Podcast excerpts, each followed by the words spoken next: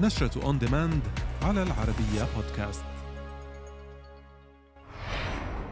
إعادة إنتاج فيلم The Bodyguard الانتهاء من تصوير الموسم الرابع ل Stranger Things ميغان فوكس وتايسون ريتر في فيلم Johnny and Clyde.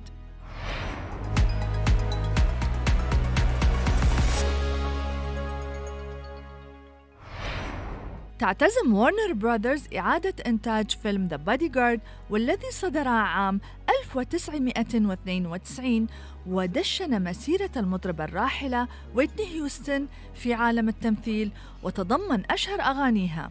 وقد حقق الفيلم حينها إيرادات بلغت أكثر من 400 مليون دولار ولم تفصح وارنر براذرز عن التفاصيل بشأن الممثلين المشاركين أو الحبكة الدرامية أو الموعد المحتمل لإصدار الفيلم.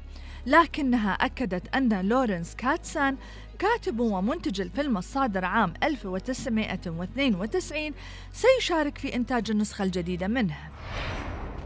كشف القائمون على مسلسل الدراما والإثارة Stranger Things عن انتهاء تصوير الموسم الرابع للمسلسل بشكل نهائي.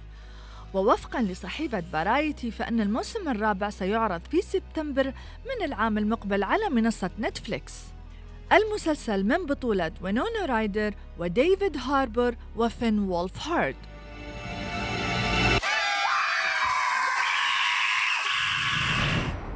أختير النجمان ميغان فوكس وتايسون ريتر للعب دور البطولة في فيلم Johnny and Clyde. وتدور أحداث الفيلم حول شخصيتي بوني وكلايد القاتلين المتسلسلين اللذان يقعان في الحب وتبدأ موجة جرائم لا نهاية لها وقد وضعوا نصب أعينهم سرقة كازينو تديره زعيمة الجريمة ألانا.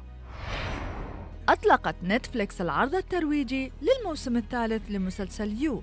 ويستكمل الموسم الثالث الأحداث التي توقف عندها الموسم الثاني حيث أنجب جو طفلا صغيرا من زوجته لوف كوين ويحاول جو في الموسم الثالث تقديم قدوة حسنة ومحاولة التغيير من أجل ابنه.